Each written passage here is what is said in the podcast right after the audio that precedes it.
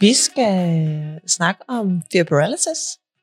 FPR i Ja. kort. Det bliver sådan lidt en mundfuld at skulle sige fear paralysis Ja. igennem hele podcast-episoden her. Ja, FBR eller 4, tror jeg bare, vi kalder den. Ikke? Og fear er også et godt navn. Øh, ja. Vi skal snakke om fear.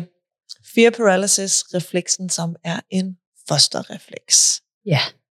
Og jo nok den mindst kendte af primitive reflekser, fordi at den har ikke, øh, hvad kan man sige, man kan ikke teste den ved at påføre en, en stimuli, en, en høj lyd eller en bevægelse, som man for eksempel kan med mororefleksen. Og øh, den er ikke ment til at skal være aktiv uden for livmoderen. Den er ment til at skal være aktiv i første trimester. Vi ved, for nogen kan den lige tage lidt tid med at integrere sig, men basically så er den der fra cirka femte fosteruge, Mm. og så skal den øh, integrere sig omkring 12. fosteruge. Ja. Og øh, der har den lige sådan et par løb med, med mororefleksen inden, altså der hvor mororefleksen jo starter op. Det der moro bliver grundlagt omkring 12. første uge. Ja. Øhm, men hvis den, hvorfor snakker vi om, om fear paralysis-refleksen, hvis den skal være integreret inde i livmoderen? Ja, det er fordi, at fear paralysis, som navnet også øh, antyder, så er det jo, hvad kan man sige, frygt eller lammelse. Øhm, den her respons, vi kender den for dyreriget. Øhm, vi, øh, I dyreverdenen, så ser vi de her Mus. mus eller andre dyr, at de simpelthen Kun mus. spiller, kun mus. De spiller døde, hvis de ikke kan flygte, for Ja. eksempel. Så, øhm, så ligger de sig ned, og så får de en meget rolig vejrtrækning, de er helt passive, og så tror fjenden ligesom, at nå, det gider ikke at jagte det her døde, den her døde mus, det er ikke sjovt. Mm. Øhm, og den har vi også. Øhm, Ja, men- man er jo begyndt at snakke meget om, altså, man har altid snakket om fight or flight, og de senere år er man jo blevet meget opmærksom på freeze. Ja. Og basically så er freeze jo det samme som fear paralysis. Ja, altså vi kan også godt se, have lidt freeze omkring moro-delen, men sådan basic, groft skåret ud, så er freeze-delen, og her taler vi, henholder vi selvfølgelig til øh, den polyvagale teori, som du også har lavet et lækkert øh, afsnit om, Anne-Helene. Tak. Øhm, men, men den her freeze-del, det her med, at vi simpelthen bliver ude af stand til at Handle. handle, øh, agere. Øhm, Kroppens sidste forsvarsværk, ikke? jo, og, øhm, og hvad hedder det? Øhm, vi har den med os i fosterstadiet, i det tidlige, der hvor fosteret er øh, sårbart over for ja, ulykker. Ikke, øh, hvis mor kommer ud for noget traumatisk, sådan nogle ting. Så, så er fear paralysis ligesom med til, at der går sådan en klap ned, så, så alt adrenalin og ting og sager kan gå. Kortisolen, ikke? Ja, og det kan gå alt sammen til mor, Mm. og ikke noget øhm, kommer over til fosteret. Ja. Øhm, og det er jo en god ting. Men øhm, hvad hedder det, øh, hvis mor for eksempel lever i konstant stress, eller bange for abortere, eller er udsat for fysisk eller psykisk vold, eller andre ting, som gør, at hun er i konstant øhm, Presset på sit arbejde, eller overstimuleret i sin hverdag. Ja, og der kan man sige, det er jo ikke sådan, at bare vi er lidt stresset i kort tid men det er sådan den her lidt Grundlæggende. grundlæggende langvarige stress. Øhm, så kan vi se, at fear paralysis har svært ved at integrere sig hos fosteret, fordi den simpelthen ligger og er konstant aktiv. Og nu sidder vi jo ikke og siger, at øh, mor, det er din skyld, hvis du føder et barn med en aktiv fear paralysis. Vi kan ikke gøre for det.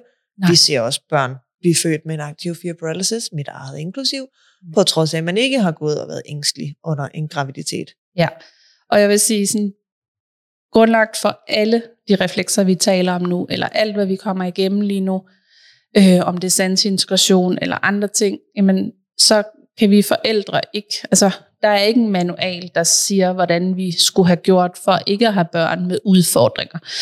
Øhm, og man kan heller ikke sige, at når så, så flytter du til en eller anden bounty-strand og sidder på en en strand og mediterer hele din graviditet, og så kommer der en baby ud uden nogen sensoriske udfordringer overhovedet. Øhm, så vi lever vores liv, vi gør det bedste vi kan, og det gør vi både når vi er gravide, og det gør vi også når vi bliver mødre. Vi gør det bedste vi kan, men nogle af os øhm, får desværre børn med udfordringer. Mm. Øhm, og der kan vi heldigvis komme ind og hjælpe. Ja. Og når vi siger udfordringer, så taler vi både om børn, som har massive udfordringer, øh, som ikke kan gå i skole, som ikke kan få tøj på, som ikke kan rumme en hverdag, og som har rigtig mange nedsmeltninger i løbet af deres hverdag. Men vi, det kan også være børn, hvor, jeg vil sige, hvor vi kan optimere på deres fulde potentiale, men hvor man siger, jamen, han har det okay. Og så kan vi kigge på hinanden og sige, okay, men er det barn, mm. at vi skal have det okay? Ja. Fordi så er det okay, hvis det er barn, så har de det fint. Men hvis man nu tænker, ja, men vi kunne hjælpe lidt mere her. Mm.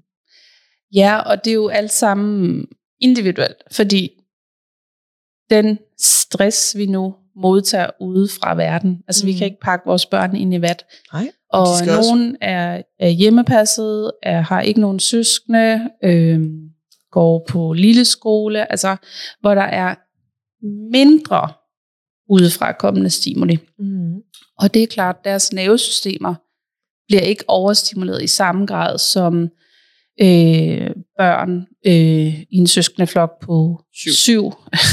og øh, måske er der et, et barn, der græder mere, eller skal mm. på mange hospitalsbesøg, eller de går på en skole med fire spor. Øh, far arbejder udenlands, eller du ved, altså mange andre ting, som gør, at der kan være en eller anden form for ydre påvirkninger. Ydre påvirkninger, som den familie selvfølgelig ikke på den måde kan lave om, men det gør så, at det barn måske er mere udfordret mm. på det at for eksempel have sans integrationsudfordringer eller øh, primitive reflekser. Øh, og så på den måde skal vi selvfølgelig også nogle gange kigge på de udefrakommende ting, men det gør også, at man siger, at det er individuelt, hvem vi skal hjælpe. Øh, og nogle er mere udfordret af det end andre, og sådan er det med mange andre ting. Sådan er det med stramt tungebånd, sådan er det med låsning og skævheder. Ja, alle mulige ting, at vi skal ligesom kigge på den, det den enkelte, enkelte ja, det, og, den enkelte familie. Og, ja, og hvem skal vi hjælpe, og hvem har lyst til at få hjælp. Mm. Ikke? øh, ja, altså vi behandler jo ikke på folk, der går ud på gaden. Det er jo nej. gerne folk, der kommer de må gerne henvende sig selv. ja, det er gerne folk, der kommer ind og siger, at vi oplever, at vores barn har nogle udfordringer. Ja så kan det godt være, at det ikke er nødvendigvis udfordringer, som er alvorlige nok til, at det kommunale er indover, eller det kommunale har først ressourcerne til at tage barnet her ind om et halvt til et helt år, og forældrene vil så gerne i gang tidligere, så kan vi også gå ind og lave noget der selvfølgelig. Ikke? Jo. Øhm, det var lidt et sidespor i hvert fald. Ja. Øhm, og jeg kan faktisk ikke lige huske, hvad vi talte om øh, med FIR, men altså, at den jo ligesom, FIR paralysis den gør, at vores system går i frys. Vores mm. nervesystem fryser. Vi bliver ude af stand til at agere, røre os, rykke os. Vi, vi kan ikke kæmpe eller flygte, Mm-mm. som egentlig er den reaktion, vi gerne vil have. Øhm, der er ikke overdået, ikke sådan voldsomt meget kæmpe, øhm, men vi vil gerne have, at man kan rykke sig ud af farzonen. Øhm, og farzonen for de her børn med fear kan være alt. Altså fra en mormor eller farmor, man ikke, altså, man ikke er tryg ved. Øh, en tur i øh, ned og handle. Øh, tøj på kroppen. Altså fare, stress for de her børn eller voksne kan være alting. Alle ændringer i Ja, og det kan vi ikke gøre sådan for dommer for, eller sige, at jamen, det, var ikke, det der er ikke så slemt, det burde du ikke reagere på, men, men deres nervesystem reagerer mm. ved at gå i frys. Og, og kendetegnet ved de her fear paralysis børn er jo, at de ja, de stivner, øh, de gemmer sig under mor og far, de tør ikke sådan gå ud i verden, de er meget selv modige. Ja. Øhm, øh, nye, alt nyt, det skal de enten forberedes kraftigt på, eller de sidder derhjemme og siger, det vil vi gerne, og når de så kommer hen til noget nyt, så, så stivner de. Ja. Øhm, uanset hvor godt vi har forberedt dem, eller de her ting, men, men, men pulsen stiger simpelthen, og de, de går helt i baglås, når mm. de kommer ud. Så og i forhold til institutionsbørn, altså børn, der er gamle nok til at komme i vuggestue, børnehave, dagpleje, hvad de nu går i skole, øh, der er det måske så de her børn, som, som måske nok går ind ad døren og, og er med, og pædagogerne vil måske sige, men han sidder bare stille og roligt og hygger sig over i hjørnet. Vi ser ikke rigtig noget til ham. Han, han er her. Han er med i, i det, de skal lave i skolen, øh, for eksempel. Eller han sidder og leger for sig selv over i hjørnet. Vi ser ham ikke. Mm. Okay. Når han så kommer hjem, så er der nedsmeltning nedsmeltning nedsmeltning på nedsmeltning. Ja. Det er selvfølgelig, og kommer vi til at sige normalt, men mange børn har, når de kommer hjem fra en institution sidst på dagen, ligesom vi selv har det som voksne mennesker, en lidt kortere lunde. Så det, at man har nogle reaktioner i ulvetimen, der kan vi sige, det er normalt at have en eller anden form for, at man har brug for lidt ekstra nærhed, man har brug for lidt ekstra tryghed, man har brug for lidt ekstra omsorg, og det kan være svært at komme igennem eftermiddagen. Men har vi børn, som igen og igen og igen ved den mindste forandring eller ting, at deres verden bryder fuldstændig sammen, Mm. så må vi godt være lidt nysgerrige på at sige, hvorfor har det her barn så svært ved at være i sig selv sidst på dagen, når de kommer hjem fra at have været sammen med andre mennesker. Jeg kan huske det fra øhm, min søn, som er syv år nu, men, øhm, og dengang kendte vi ikke til fear paralysis, men når vi hentede ham i, øhm, i dagplejen, så var det egentlig lige meget, om det var far eller mig, der hentede. Men når han kom hjem, hvis der var en af os hjemme, og han så den anden person, så, og han kom lige ind over dørtrinet, så lagde han sig ned, og han skreg. Og øh, vi sådan undrede os meget, for der var aldrig noget, vi skulle komme hjem selv. Hvis det bare var os, så løb han bare ind og legede. Men det der med, at der var en hjemme, og det var lige meget om far havde og jeg var hjemme, eller omvendt, så lagde han sig bare ned. Han gik ikke ind, og han lagde bare ned, og han græd og græd og græd og græd. Og vi sådan set i bagspejlet, så tænker jeg sådan, ja, det har jo været det der med, nu har du været sammen med mor, vi er hjemme, vi skal hygge, eller med far, og så bum, så er der en anden. Og den Mm. omstilling kunne han ikke, og det slog aldrig nogensinde fejl. Når vi skulle til læge eller andre ting, altså løb glad hen ad gangen, det sekund vi kom ind, og han så, der var et andet menneske. Altså, så blev han stiv som et bræt, Mm. og han kunne slet ikke holde øjenkontakt, og det var det værste, det var, hvis folk kom hen og sagde sådan, hej med dig, lille skat. Vi sådan tænkte, please lad være med at snakke med ham, fordi det ødelægger bare alting, at du vil tale med mit barn, og selvom du tænker, at du bløder ham op, men du gør det faktisk meget værre, så Mm. bare vær og tale med mig, og så skal han nok bløde op langsomt, ikke? Men, men det er sådan det der med at kunne håndtere, altså mange børn har jo svært ved skift, og især i perioder, hvor der sker meget, men, men de her børn har, det er bare ekstremt svært, Mm. Altså, og der skal virkelig få ting. Og, øh, og det er typisk de her børn, hvor at når forældrene så siger, hvordan de er derhjemme, så, så sidder personalet i institution eller skole og tænker, det er slet ikke det, vi siger. det, det må da være hjemme ved hjertet, den er gal. Ikke? Ja. Ej, Og så heldigvis er folk begyndt at være rimelig opmærksom på de senere år, at Der kan ske meget, men der er mange forældre, der kan føle sig misforstået. Ikke? helt sikkert. Og føle, at det er dem og derhjemme, der, der sker noget. Sådan havde vi i hvert fald selv haft det. Ja.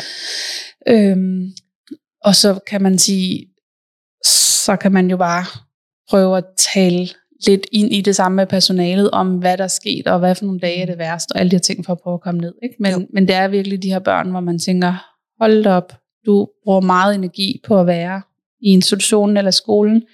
Det kan også være de her børn, som faktisk fungerer okay, øh, men de bruger al deres energi på at holde på sig selv. De gør sjældent noget forkert. De laver sjældent ballade. Øh, de øh, har svært ved sådan at abstrahere fra, at andre børn kommer hurtigt hen, eller være med i nogle af de her lidt hurtige lege, eller forskellige ting. De bruger al deres energi på bare at være. Mm. Og når de så kommer hjem, så, så er der bare ikke mere på kontoen, og så er de altså som en ulv, ikke? der Jo. bare... Kan ikke mere. op, ikke? Bæret Ja. er fyldt, og Ja. hver gang vi putter noget i, så løber det over. Ja.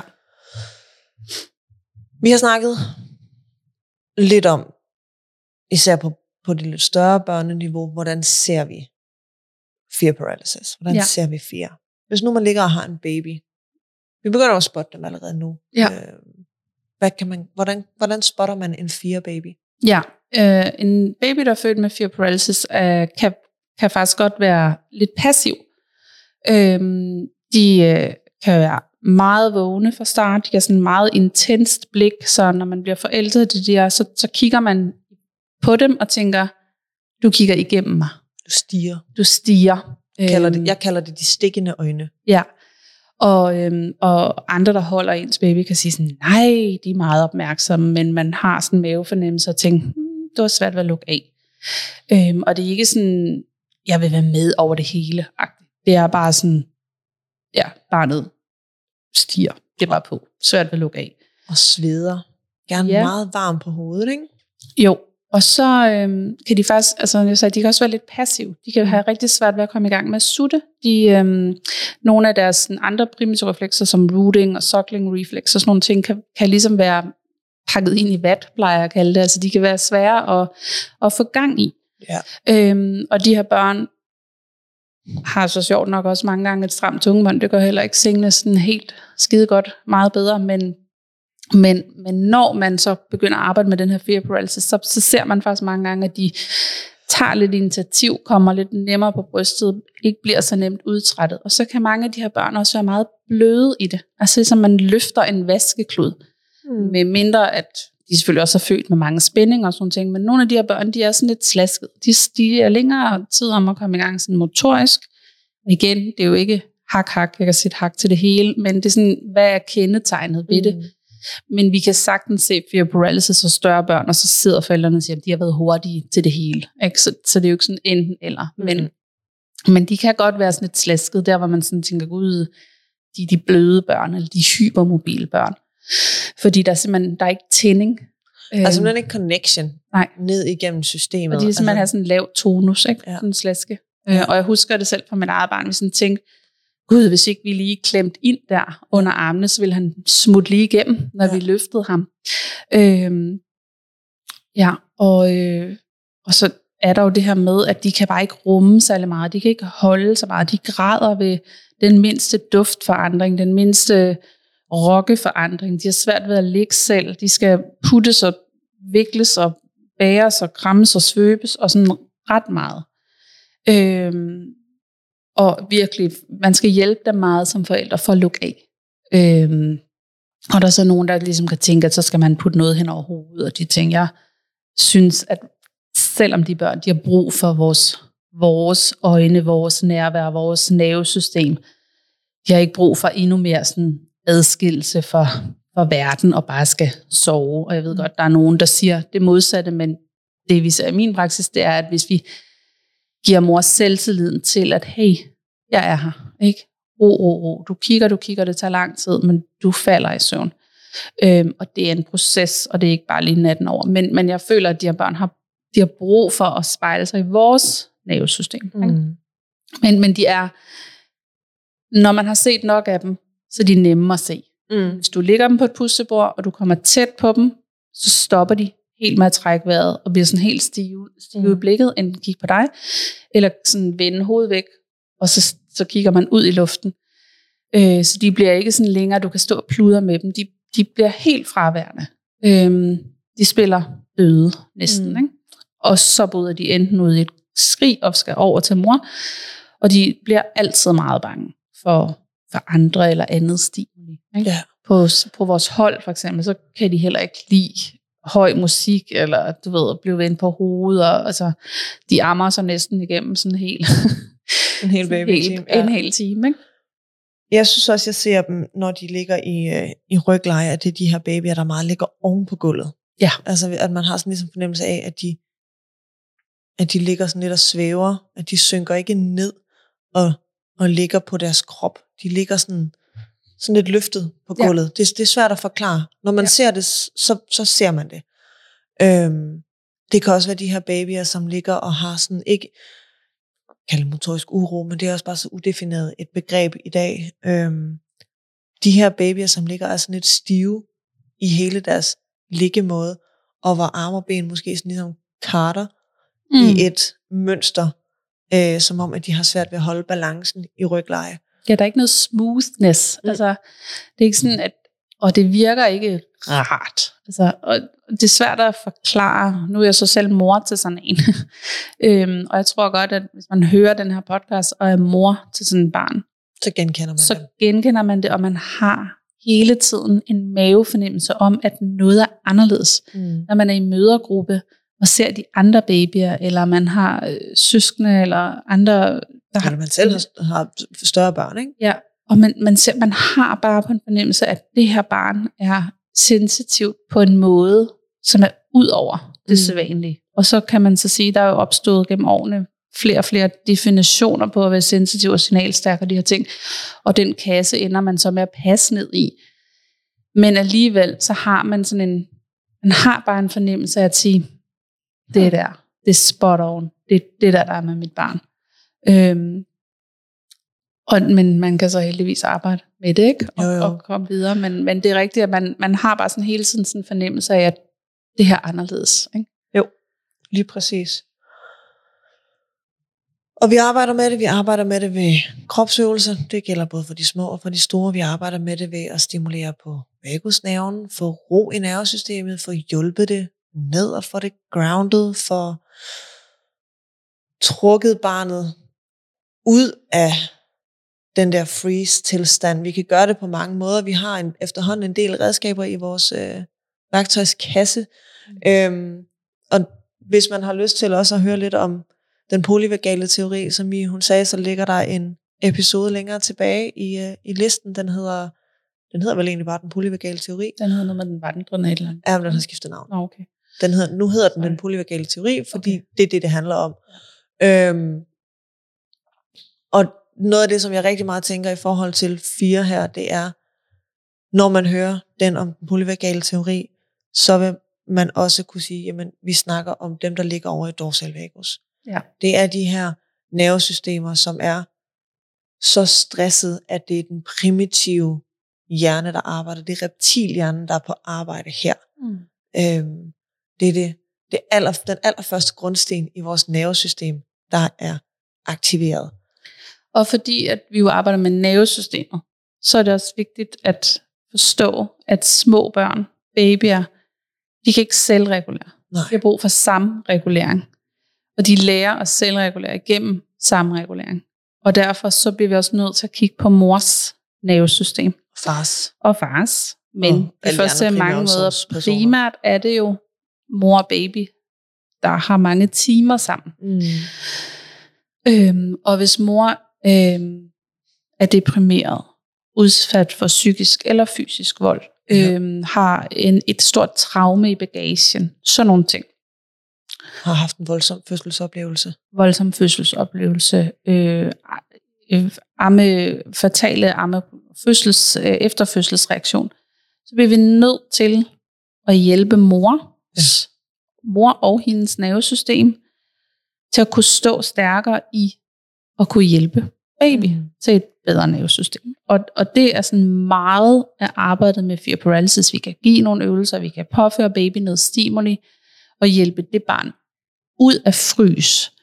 Men hvis det nervesystem, baby skal lære at Regulere efter. regulere efter, også lever i frys, øhm, så bliver det svært at komme i mål. Så Ja. derfor så er det en stor del af vores praksis også at tænke mors øh, nervesystem. Øh, give forældrene noget selvtillid Mm. mm. til, at de er de bedste for deres børn.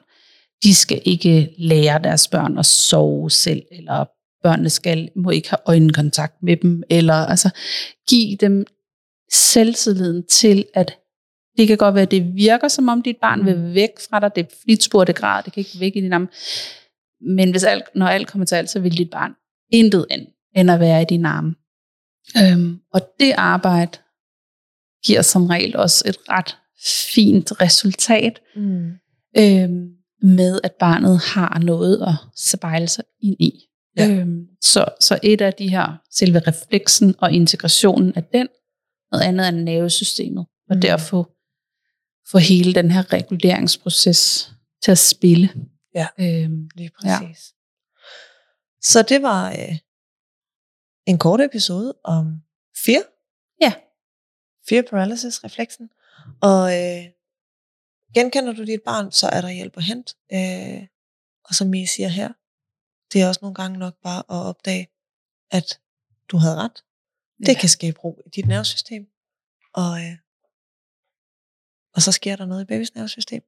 Men det kan også være flere andre årsager, der ligger bag. Men i hvert fald så handler podcastserien her om at fortælle om, hvad er det, vi ser, hvad er det, I kan se, og øh, så er det op til jer at beslutte, om I vil søge mere viden eller hjælp. Man kan måske bare lige sige kort, at i forhold til sådan refleksintegration, at så er det mange gange fibrosis, vi starter med at kigge på, ikke? fordi at den, den fryser, altså den gør, at vi ikke kan komme ud af det, så er det bare svært at, at modtage og arbejde med sanseintegration, med andre reflekser, og det her med at, at rykke sig, Mm. hvis man lever i frys. Yep. Så det taler der egentlig også i det her Vi taler Mhm. rigtig Ja. meget om, og, og det og hvor er vigtigt det er at komme ud af frys. Ja. Og det er derfor, at fibrosis er så stor en del af vores arbejde, og det er den første, vi taler om. Fordi hvis den er aktiv, så kan man arbejde øh, på refleksintegration herfra til juleaften og mange andre ting. Det er jo ikke fordi, at alting er spildt, men det er bare svært at komme i mål og rykke sig, mm. hvis man ikke... Hvis ikke vi også- går ind og beroliger nervesystemet først, og hjælper den her refleks til at lægge sig, så kan det være rigtig svært at arbejde på de højere kognitive øh, planer. Man kan godt, jeg plejer at sige, det er lidt ligesom at forsøge at lave en motorvej. Hvis du har et stort hul midt på vejen, og du lægger asfalt hen over det, så vil der hele tiden være et bump, mm. som vil ligge og genere. Du kan godt køre hen over det, men bumpet vil altså give et udsving, hver gang du kører hen over det stadigvæk. Ja. Eller vi kan lappe hullet, og så kan vi lægge asfalt på. Mm, præcis. I hvert fald, har du et barn med et stresset nervesystem, så kan det være fear paralysis, der ligger og øh, er på spil, og øh, nu har du fået lidt flere muligheder for at vide, hvordan den ser ud, og hvordan dit barn reagerer. I tilfælde af, at det har en aktiv fear paralysis refleks. Tak for samtalen, Mie. Selv tak.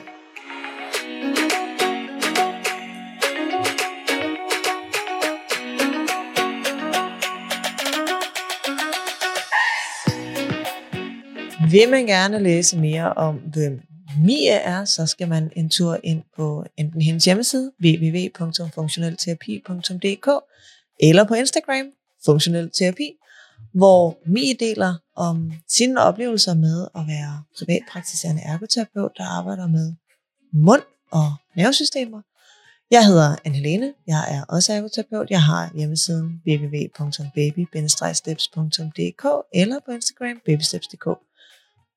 Vi er øh, klar til at svare på spørgsmål, hvis du har nogen. Tak for i dag. Hej hej.